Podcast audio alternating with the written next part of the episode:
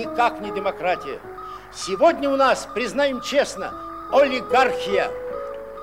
Когда человек родится, он слаб и гибок. Когда умирает, он крепок и черств. It does now seem likely that sometime in the last couple of days there's been perhaps the worst accident in the short history of the world's nuclear power industry.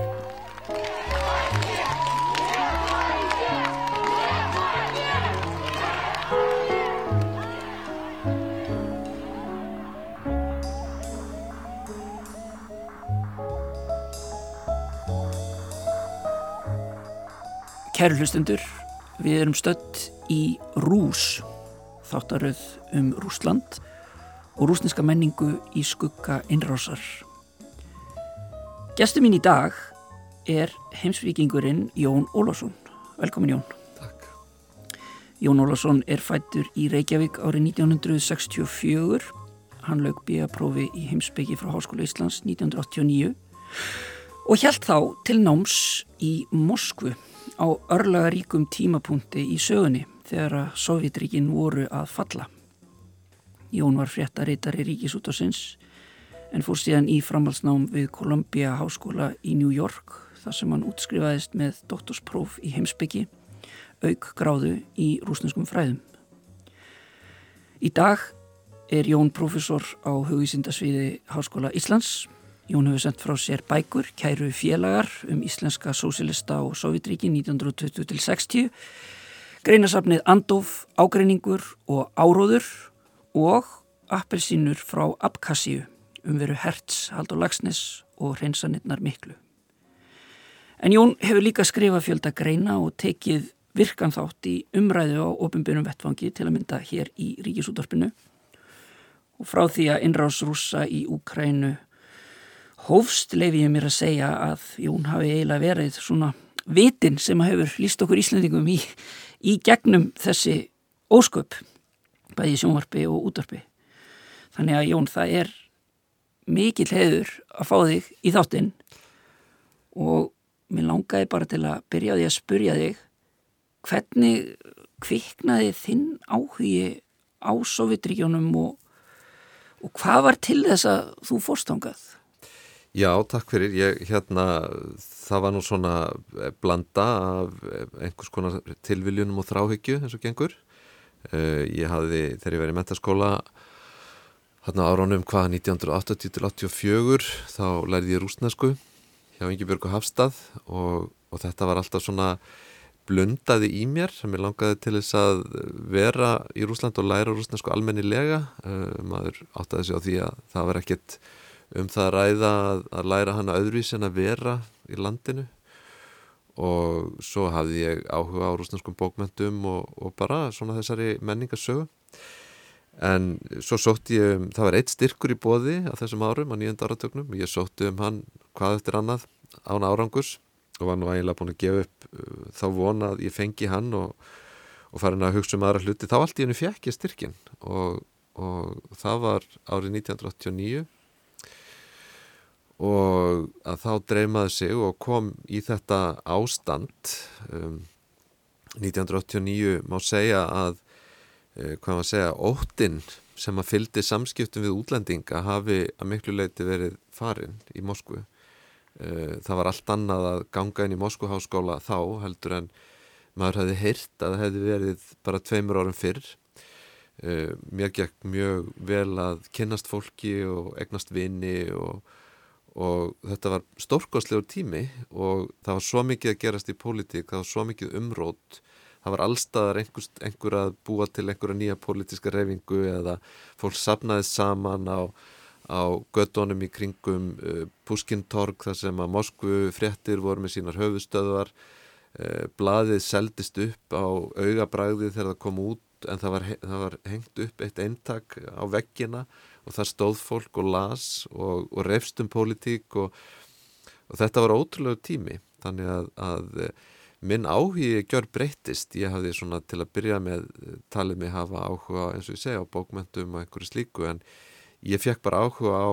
Sovjetríkjónum og pólitíkinni fyrst og fremst og, og þessi vetur sem að ég var þarna hann, hann fór í það bara að, að einhvern veginn að skilja hvað verið að gerast og fylgjast með. Já og, í greinasafninu þínu lætur er eitt þáttur það sem er bara ljósmyndir frá mm.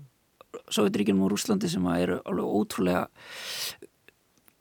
vekja upp starka spurningar og, og, hérna, og segja mikla sögu hvernig, og þú ert þarna ertu strax orðin fréttarítar eða hvernig, hvernig þróast það og, og Já, ég hafi verið, sko áður en ég fór þá var ég búin að vinna uh, svona í sumarvinnu uh, í bladamennsku fyrst á, á morgumbladinu og svo á fréttastofu sjónvarsins Já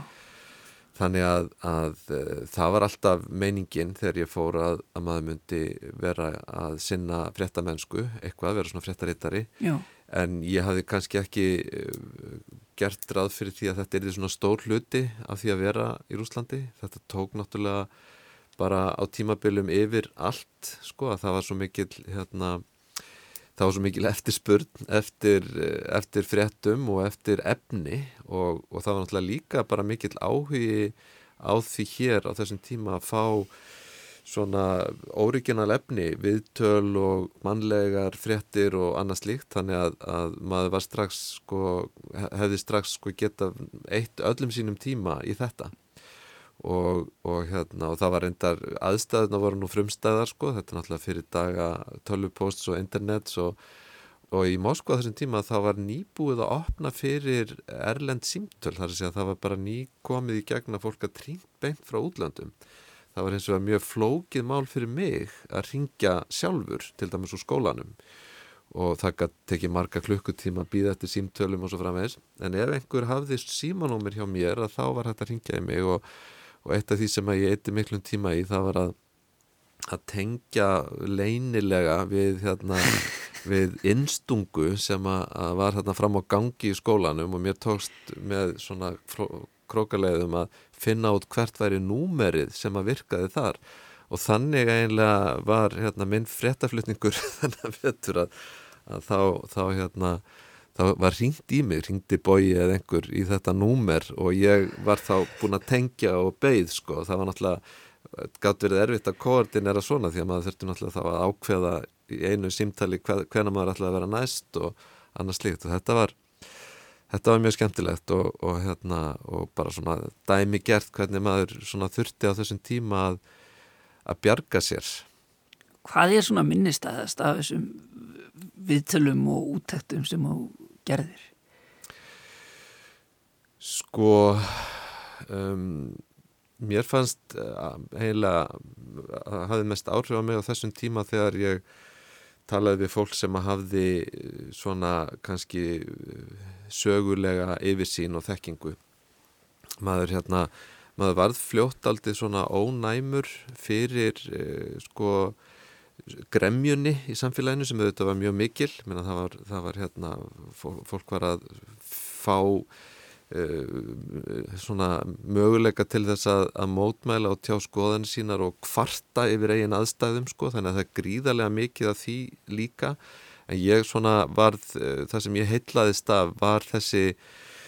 bara þessi sögulegi þáttur og, og á þess að ég geti kannski nefnt beinlins eitthvað svona tiltekið efni þá, þá hérna þá fannst mér þetta í rauninni vera algjörlega heillandi partur af uh, þessu pólitíska umhverju, hvernig fólk var að gera upp við söguna. Og, og ég meina þetta er 89 sko, þarna er á lífi bara svo ótrúlega margt fólk sem að hafði sem sagt gengið í gegnum stalinisman á fjórðáratögnum, það var fullt af fólki á lífi þá sem að hafi verið í gúlaginu, jafnvel kannski áratugum saman og, og frásagnirnar sem að að maður heyrði og hvernig, það, hvernig fólk var tilbúið til að deila með manni svo ótrúlega hlutum sem að maður bara eh, gerði sér enga grein fyrir og, og, og kannski það sem að, að, að hérna, gleimist sko þegar að, þegar að frá líður er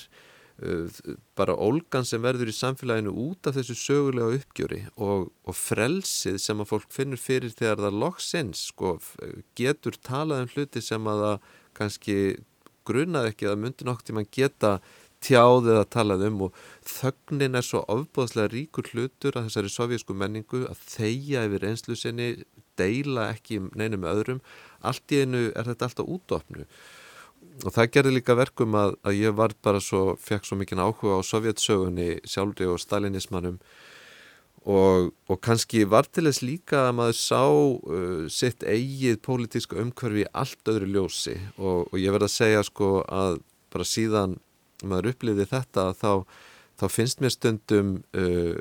umkvartanir og mótmæli okkar hér daldið svona léttvæg.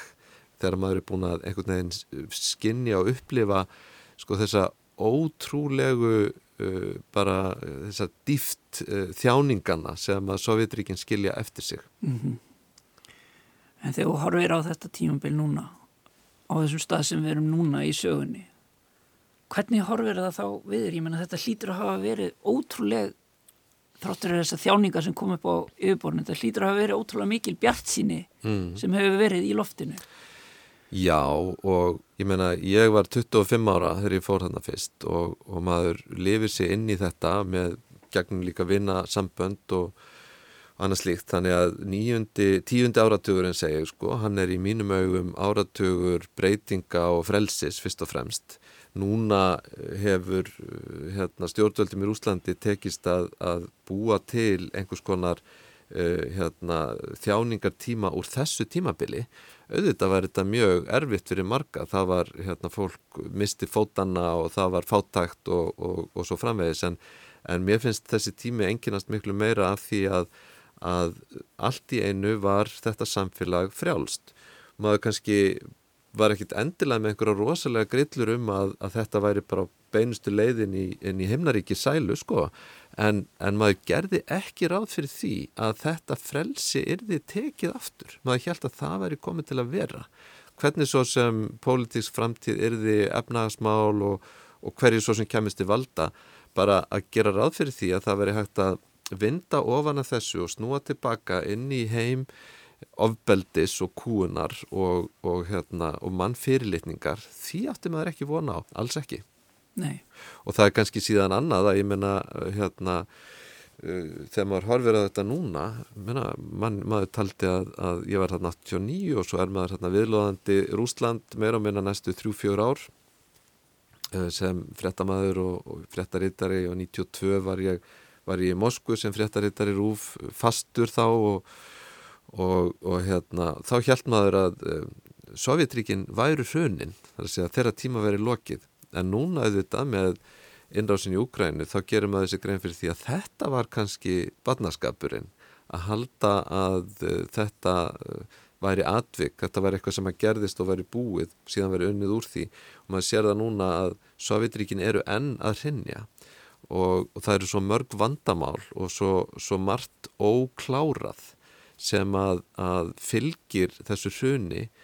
Uh, og, og ég meina kannski eigum við eftir að, að sjá hrun Sovjetríkjana síðar sem sko uh, 30 ára tímabil eða 50 ára tímabil eða eitthvað slikt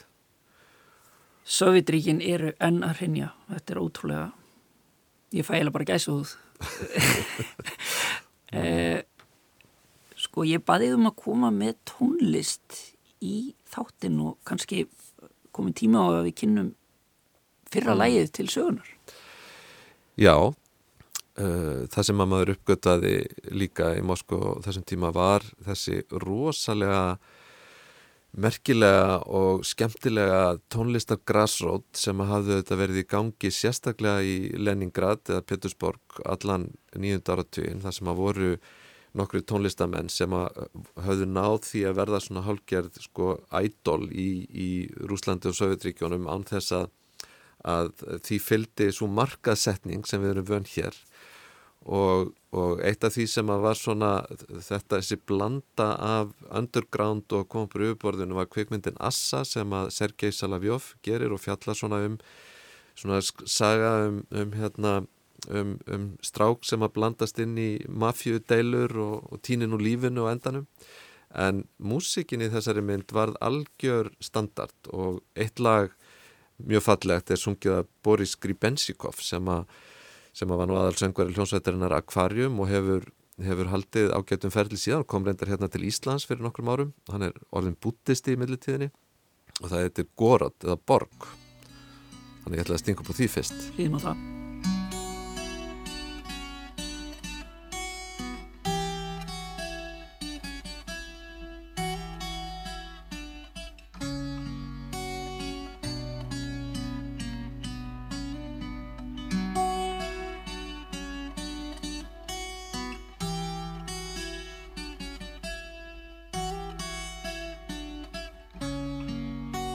Под небом голубым. Есть город золотой С прозрачными воротами И яркою звездой. А в городе том сад Все травы да цветы.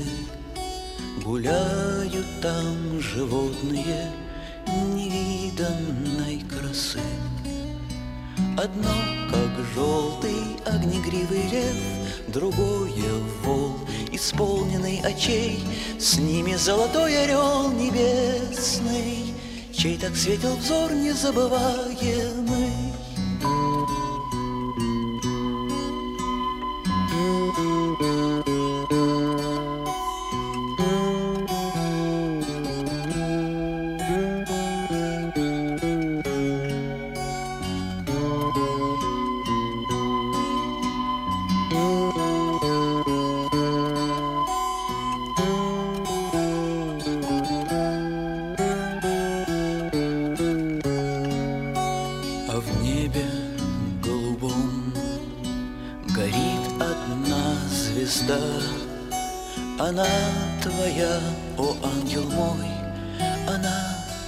Всегда. Кто любит, тот любим, кто светил, тот и свят. Пускай ведет звезда тебя дорогой в дивный сад. Тебя там встретит огнегривый лев И синий вол, исполненный очей С ними золотой орел небесный Чей так светил взор незабываемый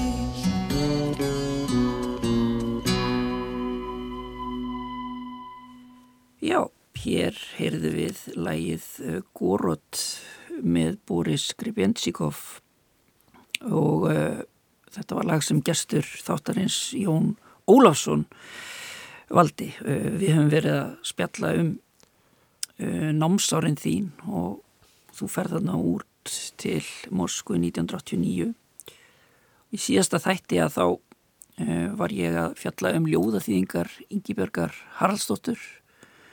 og þá bar á góma uh, ljóð sem að frumsamið sem að hún yrkir eða gefur út 1989 í ljóðbók sem að heiti því tákrarnafni Nú er aðri tímar. Og þetta er ljóðið Nostalgía. Ég sakna ekki þess sem var, ég trúi ekki á fegurð fortíðarinnar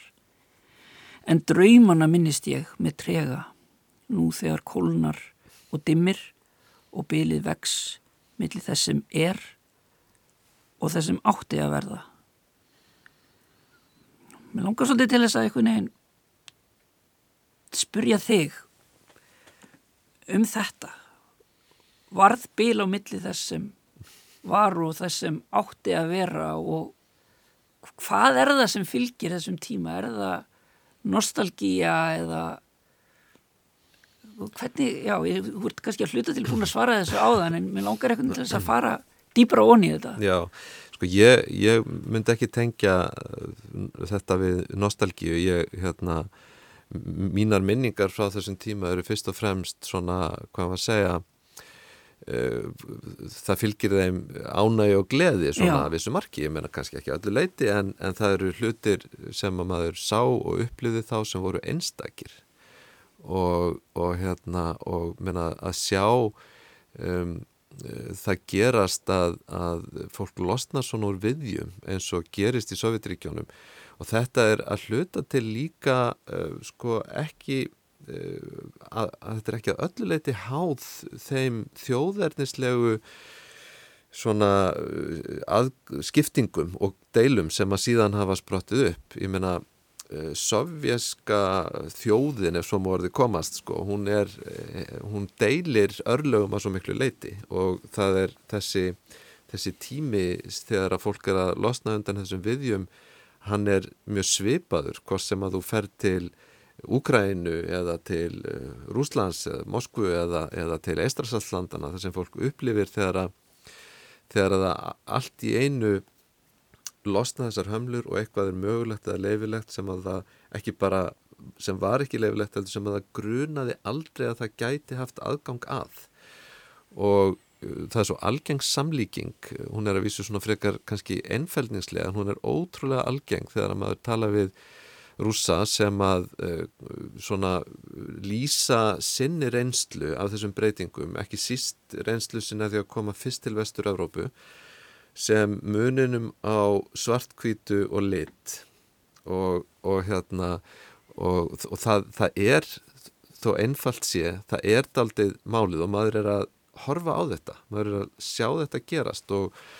og ég meina það er hægt að taka svona þessa þessa um, meira hérna, neikvæðu sína á það og hugsa hvernig er að vera manneskja sem að stendur fram með fyrir því að allt sem að hún trúði eða var talinn trúum það er ekki lengur rétt því er bara hend bara fólki er svona nánast milli eh, frá degi til dag sagt að skipta bara um gildismat og en er það, þetta er bara önnur hliðin á þessu. Hinn hliðin er sá svo að, að Eh, að fólk fær allt í einu að, að lifa lífi sem að það bara trúð ekki að það hefði aðgang að eða hefði tækifæri til.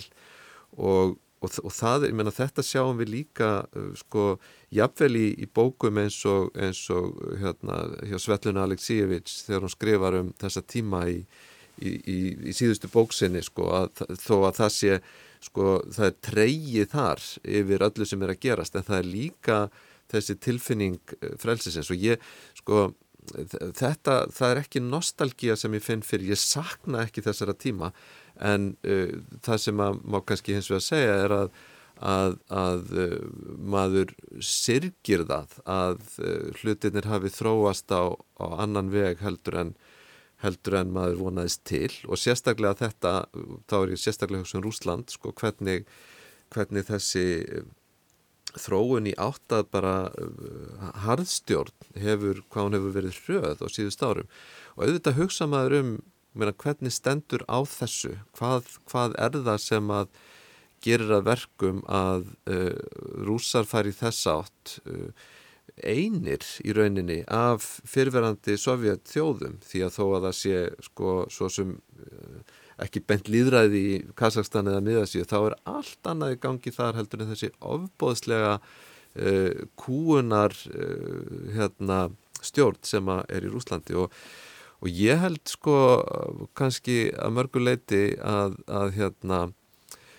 það sé, við þurfum að, að sko leita þessara hluta í menningunni sjálfri og, og, og auðvitað skinnjaði maður það líka á þessum tíma að rúsnæsk menning á sér dekkri hliðar.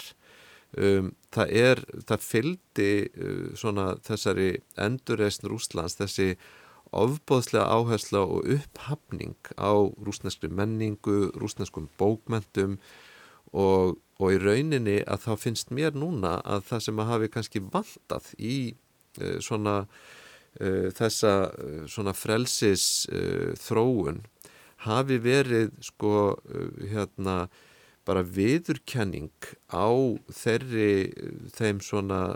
þjóðar, þeirri þjóðinsekju og sjóvinisma sem að í rauninni rúsneska þjóðin hefur lagt yfir Sovjetríkinn allavega á árunum sem eru liðin frá því að setni heimstyrjöldinni laug og ég held að það sé kannski að leita sko að frekar heldur en maður hafi verið uh, barnalegur eða eitthvað slíkt sko það, maður sá Sávítiríkinn hrinni og maður höfður hvernig getur eitthvað rist dýbra heldur en þetta? Samfélagi hrinur, ríkisvaldi hrinur það guðvar upp á hverfur. En það eru þarna undirleikjandi ströymar miklu dýbri og dekkri sem, aldrei, sem var aldrei tekist ávið aldrei tekist ávið rúsneska menningu og, og, og, og vörn rússa þegar að, að þeirra ríki fellur, því að Sovjetríkin voru ríki rússa, uh, er að upphefja menningu sína og, sógast inn í þennan, uh, þennan ofbóðslega skrítna og gamaldags uh, svona hérna, þjóðernis uh, þetta þjóðernis oflæti sem að, að ég held að eigi mjög ríkan þátt í því uh, hvernig uh, síðan mál gagvart Úkrænu hafa þróast. Mm -hmm. Þannig að, að þetta er nú flókið svar við einfaldir spurningu sko en, en, hérna, en, en það eru, uh, menna þegar maður lítur tilbaka þá, þá, ég finn ekki fyrir nostalgíu, ég hugsa ekki með mér, mikið var ég heimskur þá, heldur áttæði mig á því að það eru hlutir sem að maður sá ekki og skildi kannski ekki og hefur smátt og smátt verið að, að átta sig betur á og núna fær maður það beint framann í sig með innrásin í Ukrænu og þeir mikla stuðningi við hana sem er að finna innan Rúslands. Já, mér langar til þess að í þessu samengi þá langar mér til þess að vitna hérna í uh, bara sagt, viðtal sem var haft við þig eða orð sem eru höfð eftir þér í nýjustu heimildinni að það er verið einmitt að tala um slaufun mm -hmm. og, og þú skrifar eða segir slaufun er virt áhuga leysi hún getur verið langvarandi eða tekið fljóta af en meðan á henni stendur getur sá eða sú sem fyrir henni verður engin áhrif haft. Slaufun er ekki það versta sem hægt er að hugsa sér þótt vissulega hljóti hún að vera sásökafull meðan á henni stendur sérstaklega vegna þess að oft sér fólk hana sem refsingu sem það eigi ekki skilið. Hún getur auðvitað haft áhrif á líf fólks til lengri tíma, til dæmis ef hún gerir ómögulegt að stunda atvinnu eða stöðvar feril sem annars hefði getur orðið glæstur. Hún getur verið ósengjöld og það er hægt að misnota hana, en hún er mikilvægt tól til að tjá að sumt er ekki hægt að leiða hjá sér. Út í allen er einn af mínum uppáhaldsleikstjórum en ég get ekki leitt hjá mér það sem ég veit um hann. Ég hef næstu enga ánægja á því að sjá myndinar hans lengur. Hún getur beinst af fleira en fólki. Ég get ekki leitt hjá mér innrásina í Úkrænu þegar ég les venjulega rúsneska bók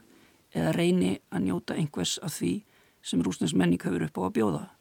Þá líður mér eins og ég sé að upphefja ofbeldismannin. Það er ekki vegna þess að ég hati út í allen eða Rúsland um aldur og æfi sem ég hef þó verið sakaður um. Það er vegna ógeðs sem ekki er hægt að losna við. Þá er slaufun mín frelsun. Og hér held ég að við séum komin að einhverju svona kvikku eða, mm. eða krosskutum eða heitri karteblu eða hvað við höfum að kalla það. Þú ert hérna í þætti sem að heiti Rús og, og ég er að fjalla um rúsneska menningu í, í hérna, skugga innrásarinnar og já, þú ert náttúrulega bara okkar helsti rúsnesku fræðingur og þetta er náttúrulega bara sláandi að lesa þetta og þarna einhvern veginn skinnja maður að það bara býr eitthvað stort og mikið persónlegt ferðalag þarna baki. Getur aðeins svona leitt okkur í gegnum þetta? Já, þegar þú lest þetta svona fyrir mig þá hljómar þetta nú kannski dramatískara heldur en mér fannst það þegar ég, ég skrifaði það í svona fljótetum sem svar við einfaldir spurningu. En sko það er alveg satt að, að hérna uh, kannski ef ég byrja að því persónulega sko að, að það er hérna það fylgir þessu þessu öllu mjög svona mikla tilfinningar hjá mér sko í, í rauninni. Þetta, þetta, þetta snertir mig mjög mikið, þetta trublar mig alveg ótrúlega mikið.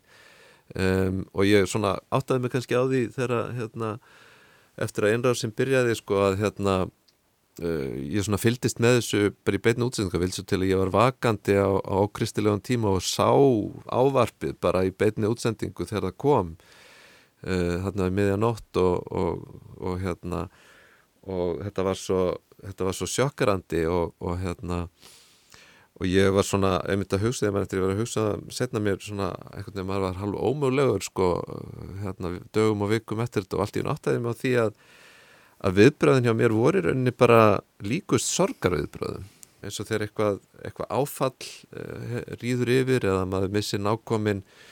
ættingja eða vinn og, og, hérna, og það er annars vegar að þá gengur lífið fyrir sig eins og venjulega og maður jafnvel gleymir stöku sinnum eh, þessu en svo allt í einu þyrmir yfir mann. Já. og maður átt að segja því að svona, er, svona eru hlutinir og það var aldrei þannig með, með þetta að, að svona mér ég hérna svona skildi það betur bara þegar frá leið þetta, þetta var svona smyndi á sorgarviðbröð það kom mér á óvart, ég hafði ekki svona búist við því og, og, og það gerir að verkum að manni finnst maður líka einhvern veginn þurfa að breðast við og, og ég hef til dæmis uh, mér hefur þótt mjög erfitt og ég hef ekki þó ég hafi sko, maður kommenterar á hlutina í fjölmiðlum og og reynir að, að skilja hvað er að gerast og, og hérna og ég náttúrulega maður er á kafi að fylgjast með og allavega var, var það svona fyrstu mánuðina sérstaklega og alltaf að hugsa um þetta og með þetta alltaf heilanum að, að, hérna, að þá líka fannst mér mjög erfitt og ég hef ekki gert það ennþá að skrifa eitthvað um þetta. Ég menna það er eitt að að þú veist vera í frétta viðtölum og tala um hlutina en, en ég hef bara ekki geta skrifað um þetta eitthvað sérstaklega og, og hérna og þannig að, þannig að þýleiti að þá þá uh, finnst mér einmitt þetta sem að, að uh, sko maður sér það, það er þannig að manni finnst maður þurfa að endur með þetta aldrei sína afstöðu og, og uh, ég meina mér finnst erfitt að eiga eðlileg samskipti við mína svona rúsnesku vini og kunningja til dæmis. Það eru ósaðir hlutir það eru núansar í afstöðunni sem að geta orðið bara mjög svona eitraðir ef það koma fram og og þetta snýst ekki bara um það að vera stöðningsmaður Pútins eða andstæðingur hans eða að vera hlindur innrásinu á mótenni þetta snýst um svo miklu dýbri menningarlega þætti og,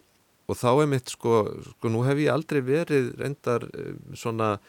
eitthvað uppfullur af aðdáun á rúsneskri menningu þannig séð, ég meina mér finnst hún ekkert merkilegri heldur en menning margra annar að landa þó að, þó að, þó að maður sjáu mjög margt í henni sem höfðar til mann sjálfs.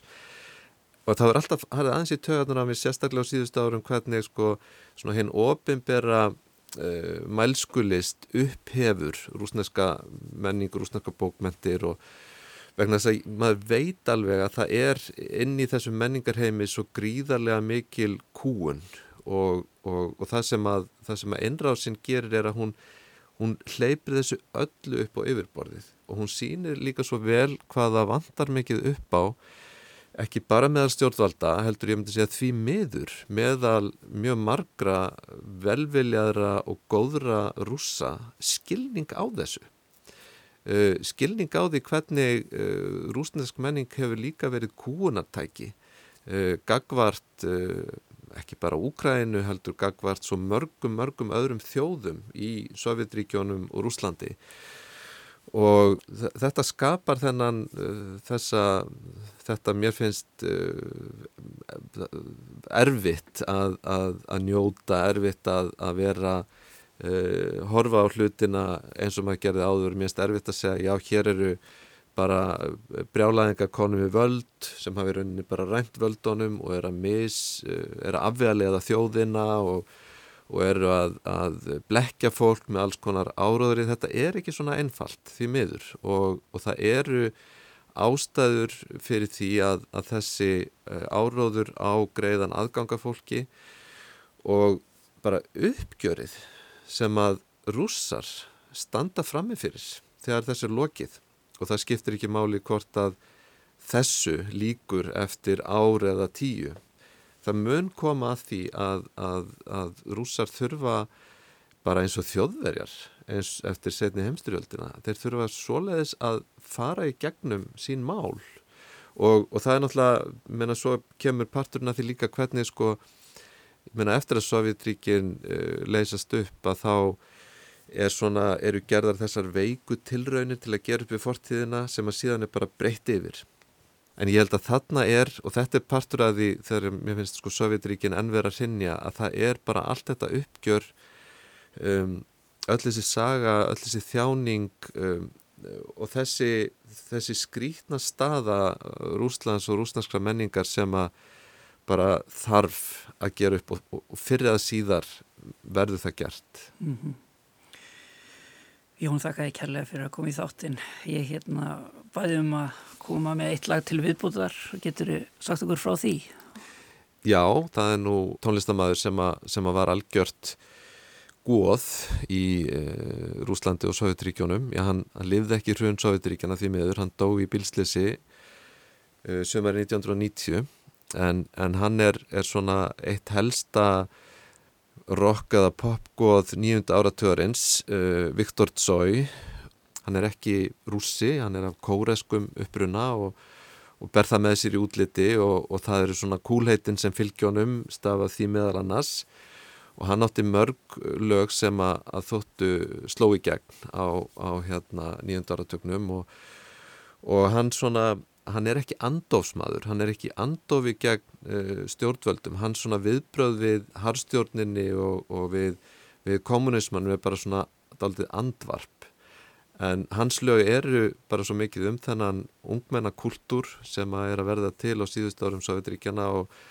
tekstarnir oft um svona frelsið sem að felst í litlum hlutum eins og að eiga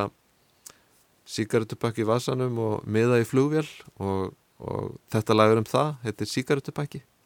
Bara þakka þið kjærlega fyrir Jón enn og aftur komuna í þáttinn og með þessu lagi endar rús í dag. Heyrumstað viku liðinni